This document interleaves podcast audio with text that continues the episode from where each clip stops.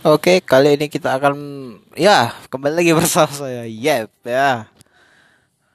Di podcast kali ini kita akan ya memang rada ribut karena siang ya. Oke. Oke.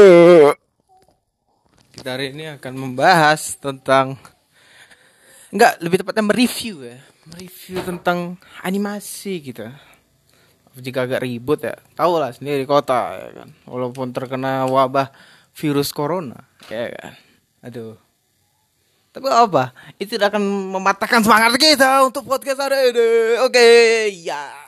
Hmm, maaf jika tidak nikmat untuk menemani tidur anda karena suara kipas yang begitu berisik gitu medan gitu loh panas ya kan? Oke kali ini kata kita akan membahas tentang suatu anime yang akan saya review ya karena kontennya memang begini gitu ya kan. Nggak ada konten lain gitu. Jangan dibawa agama aduh nggak tau lah. Oke kita akan membahas satu anime ya kan. Full Metal Alchemist. Ini anime udah jadul boys. Oh my god. Ya di tahun berapa kemarin kayak ah 2018 mungkin ya nggak tahu lah. Gak 2018 mungkin. 17 16 di 1997 tuh mungkin ya rada sama cuman visual grafisnya mungkin yang berbeda ya. Saya nggak nengok yang versi zaman ya cuman versi barunya ini kayaknya agak bukan agak mirip. Memang mirip ceritanya sama zaman cuman ya plot plot ceritanya agak diubah gitu ya kan. Oke kita langsung bahas langsung ke animenya gitu ya. Maaf spoiler alert ya bagi kalian semua yang mendengar kalian semua yang mendengar ini tuh spoiler alert ya kan moshi moshi moshi ya, itu moshi moshi gitu ya kan Oke, anime ini berkisah tentang so dua orang adik yang ingin menyelamatkan ibunya. Ya kan? Dari kematian. Karena atas janji ibunya ingin menunggu ayahnya gitu ya kan. Dari pulang-pulang dari ayahnya. Oke. Kakak beradik ini yang bernama uh, Edward Elric, Edward Erl, El, Erlik, Erik, Erik ya, Elric pakai L tapi Rick gitu, Elric ya. Terus tuh satu lagi Alfonso Erlik, Elric, Elric, ah, ble ble gitu kan. Edward dan Alfonso, ya, oke. Okay. Agak-agak Jepangan sih gitu kan. Tapi namanya namanya nama Gunung Alpen sama apa tuh Edward Nobel mungkin. oke okay, dan teman perempuan masa kecilnya yang bernama uh, siapa ya? Lupa lupa saya. Lalala um. pokoknya perempuan itulah ya kan? Oke. Okay.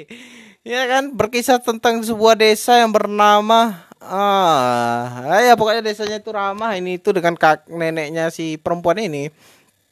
Mereka menjalin hubungan dan bukan langsung bahagia tidak. Mereka di situ mereka, mereka karena mereka alkemis mereka mendaftar militer dan menjadi anjing pemerintah ya mendaftar menjadi anjing pemerintah ya kan? Anjing pemerintah itu apa? Anjing pemerintah itu sebutan dari ya seperti misalnya militer gitu di dalam dunia tersebut gitu ya kan? Dunia yang ber yang berasal dari perang antara susu, suku Arten, Aternis Atermis ya, Atermis dan suku um, kulit hitam gitu. Oke, nggak jadi.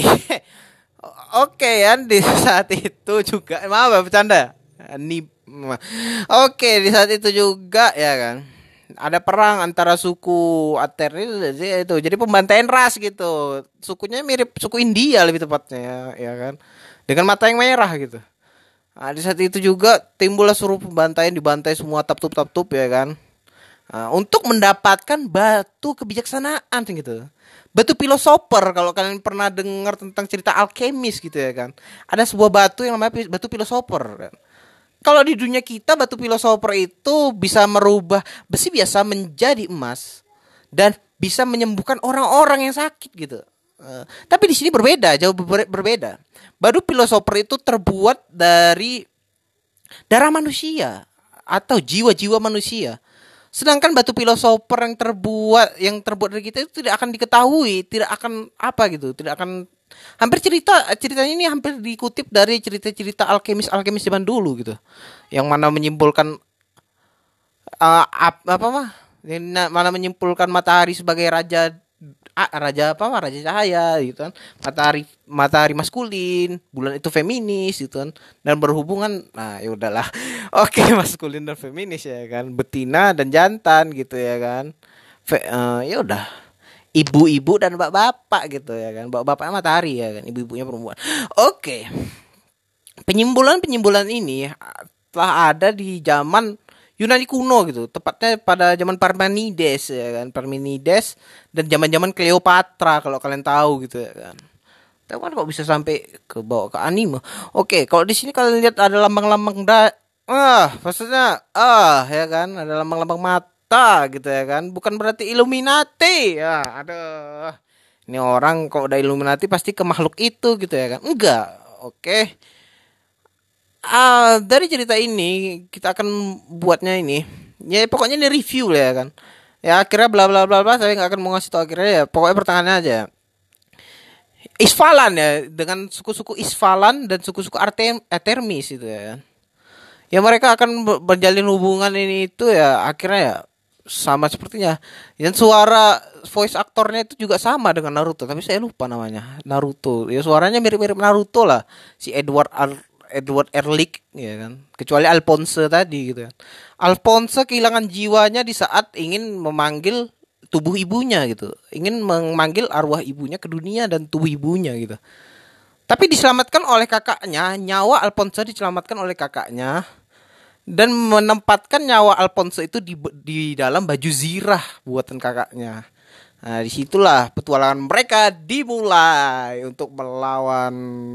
Ya, di sini ada juga yang namanya Seven Deadly Sins ya, berwujud homunculus. Ya, kalau kalian tahu homunculus itu apa, homunculus itu ya, ya kalian cari sendiri lah. Saya nyersingnya kok homunculus, homunculus, homunculus ya kan. Oke, podcast ini mungkin ya sebentar aja gitu ya. Kan. Tapi kalau bisa kita perpanjang ya bisa lah, oke ya kan. Untuk menemani hari kalian. Ya. Oke, kulus itu kan. Seven Deadly Sins terdiri dari grit. Eh, jangan dari grit lah. Dari dari glutoni. Glutoni itu rakus atau bukan rakus ya. Glutoni itu artinya rakus akan kelaparan gitu. Tidak puas akan rasa kekenyangan gitu. Artinya lapar selalu nih anak gitu ya kan. Ra, uh, apa gitu ya kan. Kalau grit itu ra, eh, jangan grit dulu. Slut, lus. Lus itu um, ya maaf ya tadi ada gangguan WA ya. Kalau misalnya ada terdengar ya kan. Oke, lus itu artinya ya nafsu ya. Setiap manusia itu memiliki tujuh ini gitu, nafsu eh nafsu lus ya kan. Envy, envy itu iri hati gitu ya kan. Habis itu red, red itu amarah, red, W R A T H, red, ah gitu tuh ya kan. Habis red uh, envy udah red greed greed itu artinya serakah abis itu slot abis itu pride gitu. Slot itu artinya pemalas gitu. Memang kalau kita lihat apa itu pemalas memang kan. Abis itu hmm abis slot apa? Pride ya. pride itu artinya hmm, apa ya? Keistimewaan atau atau apa gitu kemuliaan gitu. Manusia itu kan pengen disanjung-sanjung gitu kan mulia gitu. Pengen seperti itu memiliki pride memiliki kebanggaan gitu kan. Oh kita kita breakdown dulu ya masalah karakter ini. Glutoni ini cenderung kekuatannya ya kan mendelan seluruhnya gitu. Jadi dia tidak akan pernah punya rasa kenyang dalam hidupnya gitu ya kan? Glutoni ini makhluk yang serakah serakahkan makanan gitu ya. Semua di lahapnya itu tuh ada to tokai kucing juga dimakannya di depannya itu ya kan. Oke nggak lucu ya. Ya kalau lucu lucu oke ya kan? Dia makan segalanya gitu. Cuman satu kelemahannya dia tidak memiliki akal. Jadi dia cenderung cepat mati. Walaupun dibandingkan lus ya kan? Las ya kan? Lus eh, bacanya kayak mana tuh ya kan? Dibandingkan lus dia lebih tahan lama dalam episode franchise Alchemist gitu ya kan. Dia lebih tahan lama gitu dibandingkan Les gitu yang memiliki akal apa tapi ini film mengharukan men. Sumpah. Lu kalau melihat ah gue spoiler nanti ya kan. Nggak gue nggak akan lah. Dia lebih tahan lama dibandingkan Les gitu. Kalau Les ini Les ini memiliki kalau glutoni tar glutoni memiliki ability bahwa bisa membuka mulutnya sampai melewati bawah pusarnya gitu. Membuka mulut sampai membawa pusarnya gitu. Menunjukkan gigi dan membuka ada mata dunia di situ gitu loh. Nah itu gitu.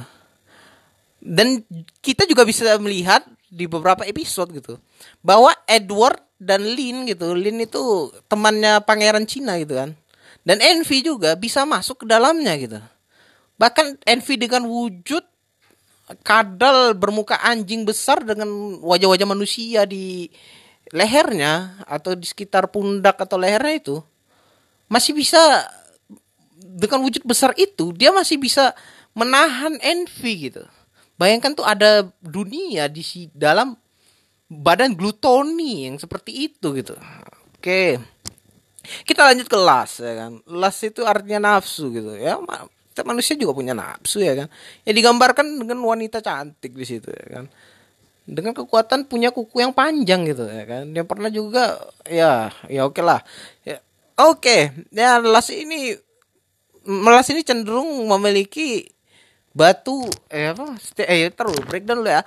Setiap homunculus memiliki batu jiwa ya. Jadi ketika mereka terkena goresan atau potongan mereka akan tetap timbul lagi hampir regenerasinya itu abadi kecuali mereka mengalami kematian terus menerus maka mereka tidak akan bisa beregenerasi lagi. Dan situlah titik awal kematian mereka oke. Kematian las itu dibakar oleh gender gender. Letnan Mustang ya Mustang gitu ya kan. Dibakar oleh letnan Mustang. Dia kayak episodenya las itu tidak berkata dia berkata tapi ya saya lupa gitu ya kan. Nggak saya buat nih skripnya oke. Okay. dia dia dibakar oleh Mustang kematiannya berarti bahwa mereka telah membongkar bahwa kemat uh, kelemahan homunculus ini lemah terhadap api gitu. Oke, okay, ya kan? Homunculus lemah terhadap api ya kan? Oke, dari situ dari situ juga kita langsung ke Envy. Envy tidak dijelaskan di sini kekuatannya, tapi Envy bisa dibunuh dengan sosok aslinya. Envy ini seperti kadal ya kan kadal kecil yang meringki gitu ya kan. Dengan tidak memiliki kekuatan asli ataupun dia memiliki sosok asli itu terlepas dari kekuatan aslinya. Kekuatan dia tuh menyerap setiap makhluk yang ada di sekitarnya gitu. Jadi kalau misalnya dia nempel badan lu gitu ya kan. Ya udah itu itu badan lu udah jadi milik si Envy gitu. Dan jiwa-jiwa lu juga gitu. Nah itu bahayanya kulus ya kan. Tapi kalau kulus di kita kalau kalian pernah lihat video gitu kan ada video tentang kulus ya itu nggak seperti itu gitu. Homunculus ya dari telur tapi ya ah, ya udahlah. Kalau mau cari cari sendiri ya oke cara menciptakan juga. Oke homunculus NV dia dia memiliki kelemahan juga ya lemah terhadap api di beberapa episode di episode beberapa juga General Ma eh General Mustang. Lieutenant Mustang telah membakarnya hingga menjadi sosoknya yang asli dan akhirnya Envy bunuh diri dengan mencabut batu filosofer di da di dalam mulutnya. Oke. Lanjut kita akan ke Envy. Siapa ya habis Envy ya? Uh, grit apa ya? Enggak. Asik grit-grit aja sih. Memang grit nih memang the best memang. Oke lah kita akan lanjut ke siapa tuh ya habis Envy ya? Red ya, red, red, red, red, Uretaha ya kan? Uretaha. Eh grid dulu ya? Grid dulu lah. Red dulu red. Red ini kelemahannya ya dia tidak bisa beregenerasi dia akan terus menua. Tubuhnya sama seperti manusia normal. Kelemahannya juga terhadap api dia juga beberapa kali ya oke okay, kita breakdown dulu ya. Red adalah King Bradley. Ya kalau misalnya kalian dan saya bilang ini spoiler gitu ya kan. Mending kalian nonton dulu gitu tadi. Makanya ada bilang spoiler alert gitu ya kan. Oke. King Bradley itu adalah Ral ah Saichi. Red Red Red ah susah boy. W R A T H ya kan. King Bradley adalah Red Red dia memiliki tubuh manusia dia juga dipukul dari manusia juga yang tidak tahu ini punya ya kan? Dia di, dibuat melalui project king gitu ya kan? Project Führer gitu. Jadi ada beberapa subjek dari ini yang ingin yang bukan yang ingin yang akan dijadikan raja gitu di dalam satu istana gitu istana ah bukan di dalam satu kerajaan itu. Di dalam satu apa gitu ya. Dalam satu negara itulah gitu. Dia dijadikan project untuk menjadikan raja gitu ya kan. Nah dari situlah muncullah King Bradley ya kan? Dengan kekuatan pedang yang cepat dengan mata memukul di sebelah kirinya ya kan? Yang tertutup ya seperti bajak laut gitu. Li hmm, oke oke. Kekuatan Bradley ini suku hebat ya ya kan tidak seperti las las oh ya tadi saya lupa ngasih tahu bahwa las itu memiliki cakar ya kan ya bisa merobek bahkan besi atau baja sekalipun ya bisa memanjangkan cakra juga.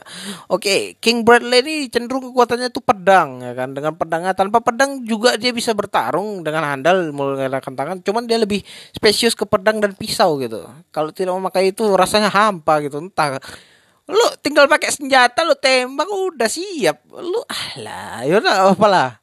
Serah ya kan. Oke.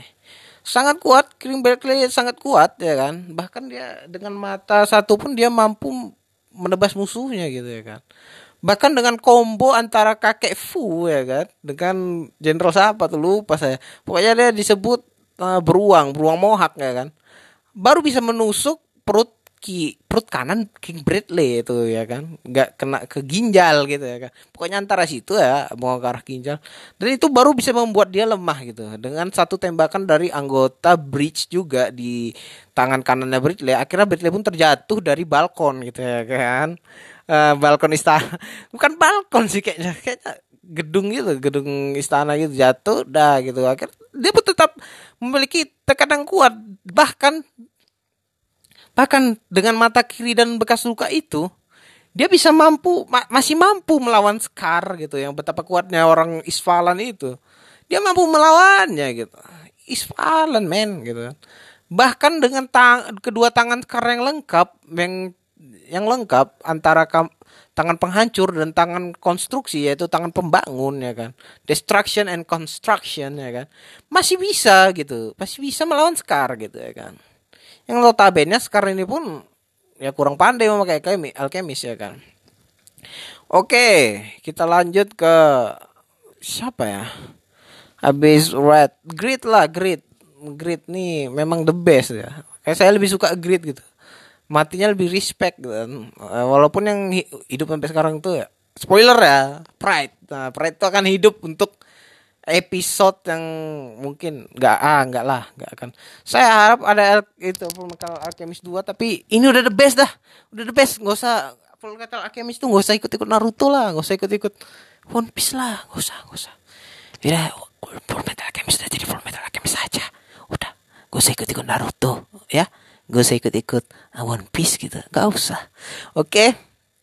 the best. Ini ini mah the best. The best ya kan oh my god.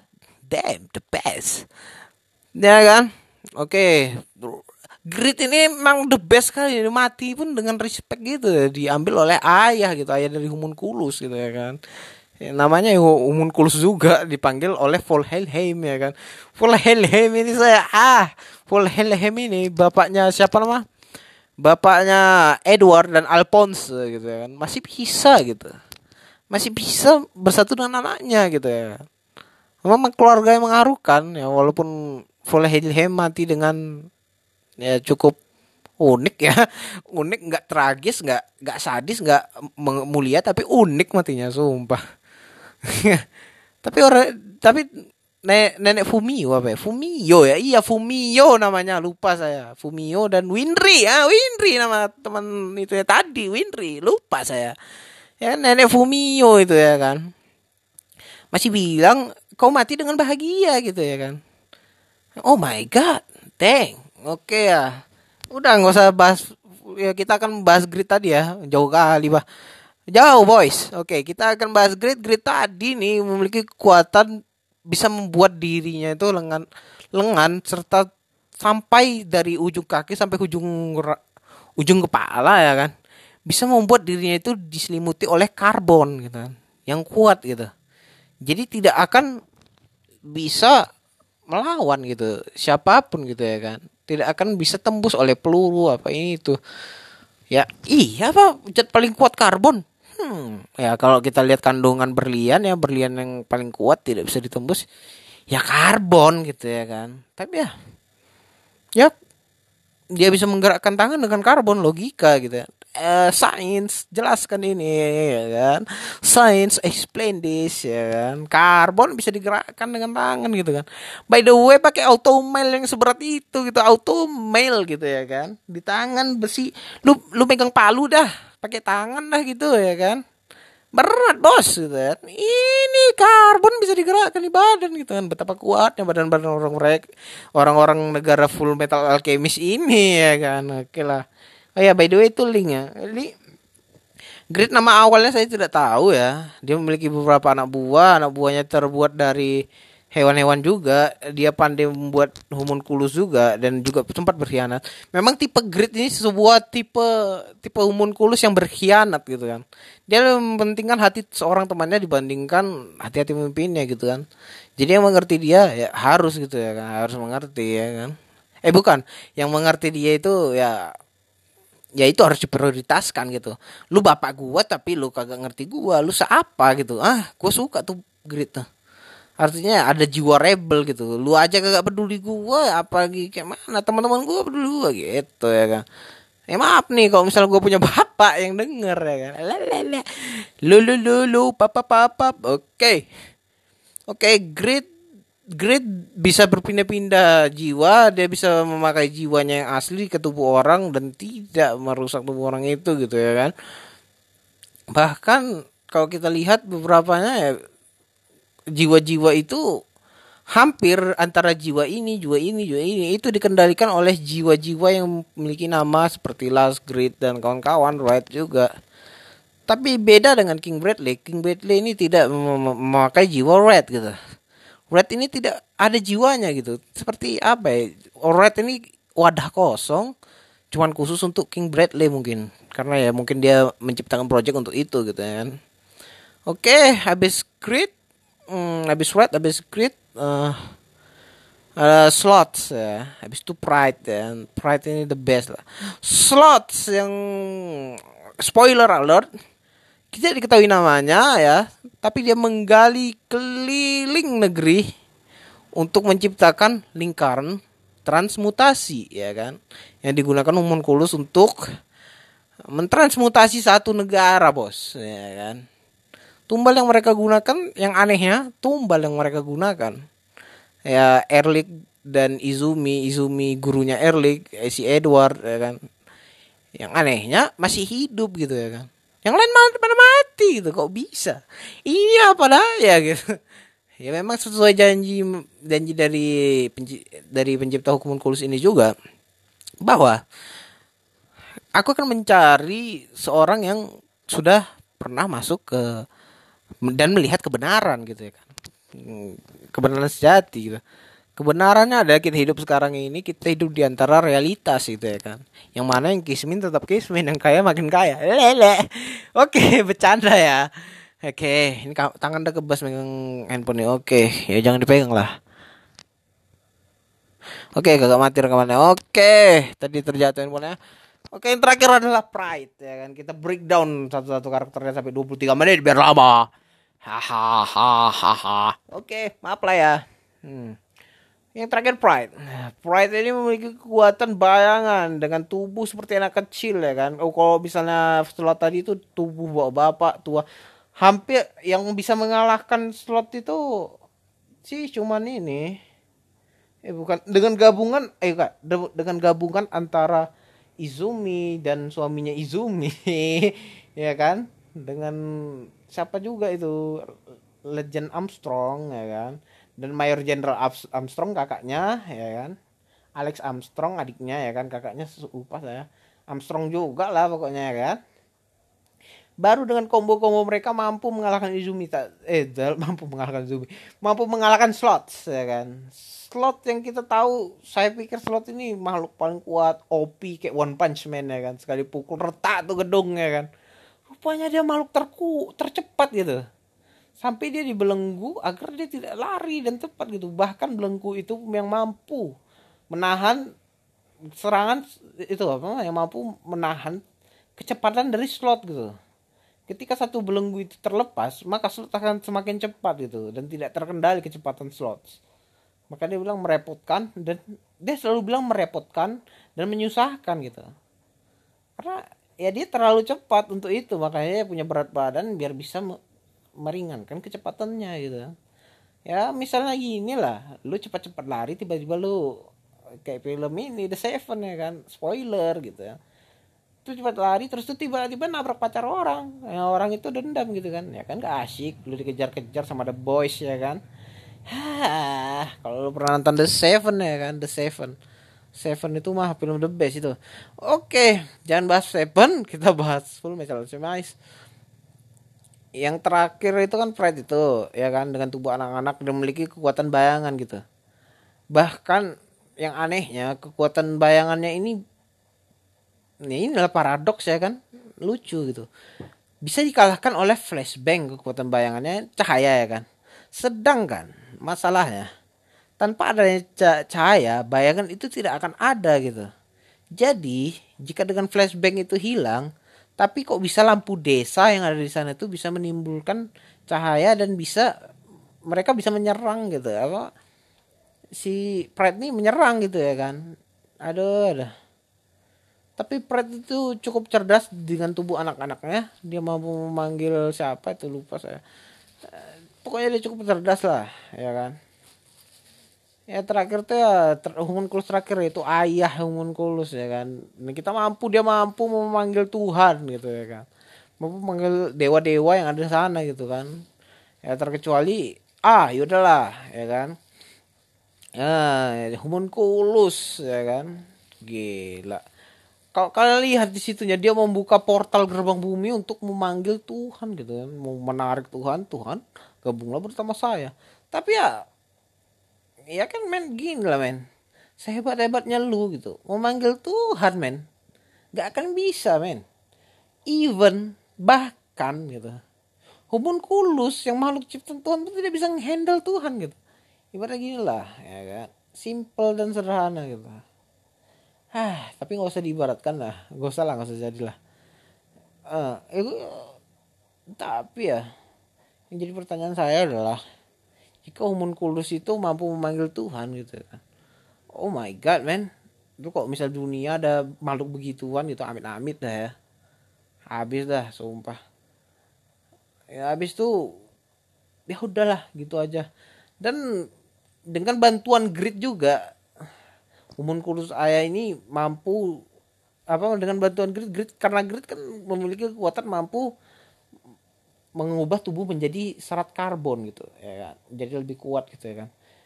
Ataupun karbon yang rapuh gitu. Jadi grid grid mengubah masuk ke dalam tubuh ayah. Karena saat itu tubuh ayahnya itu tidak akan tidak bisa meng, menghandle kekuatan Tuhan gitu. Karena terlalu banyak jiwa yang dalam dirinya itu memberontak ya kan? Jiwa-jiwa pemberontak Khalil Gibran. Oke okay. buku ya Khalil Gibran kalau kalian tahu tuh memberontak jiwa-jiwa ayah tadi. Jadi akhirnya kita mampu dengan cepat mengubah seluruh tubuh ayah itu menjadi arang. Yang bisa ya saat itu juga Erik eh apa Alfonso menukarkan jiwanya dengan dengan meng, dengan tangan kakaknya yang saat itu terpotong automailnya terpotong. Itu dia didekatkan didekati oleh ini oleh ini apa oleh ayah ayahnya di situ nah, saat itu automailnya berganti dengan tangan aslinya dan saat itu dia memukuli ayahnya sampai semua terjadi gitu itu the best moment man Sumpah, kalau kalian lihat itu, kalian nangis. Sumpah, the feel of gentleman gitu. Lu akan mendapatkan sensasi waktu Naruto tuh kecil gitu. Waktu Naruto melawan Sasuke gitu, men. Oh my god. God dang, man. Gitu kan. The best of the best moment. Tapi sekarang ya diganti sama Boruto ya kan. Boruto sendiri by the way ya kan. Ada ya kan. Oke, lain kali saya akan mengkritik anime siapa ya? Ya yang lain lah ya kan? Misalnya Dead Note nah, nggak nggak seru.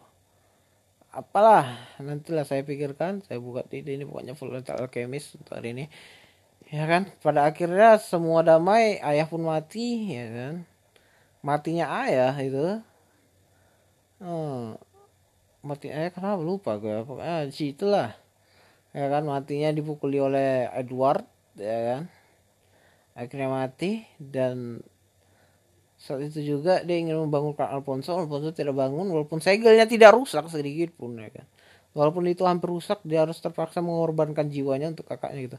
Akhirnya dia tahu harus apa dia masuk ke dalam pintu dunia untuk menjumpai Tuhan dan masuk melewati kebenaran dia melihat Tuhan dan dia mengorbankan pintunya sendiri.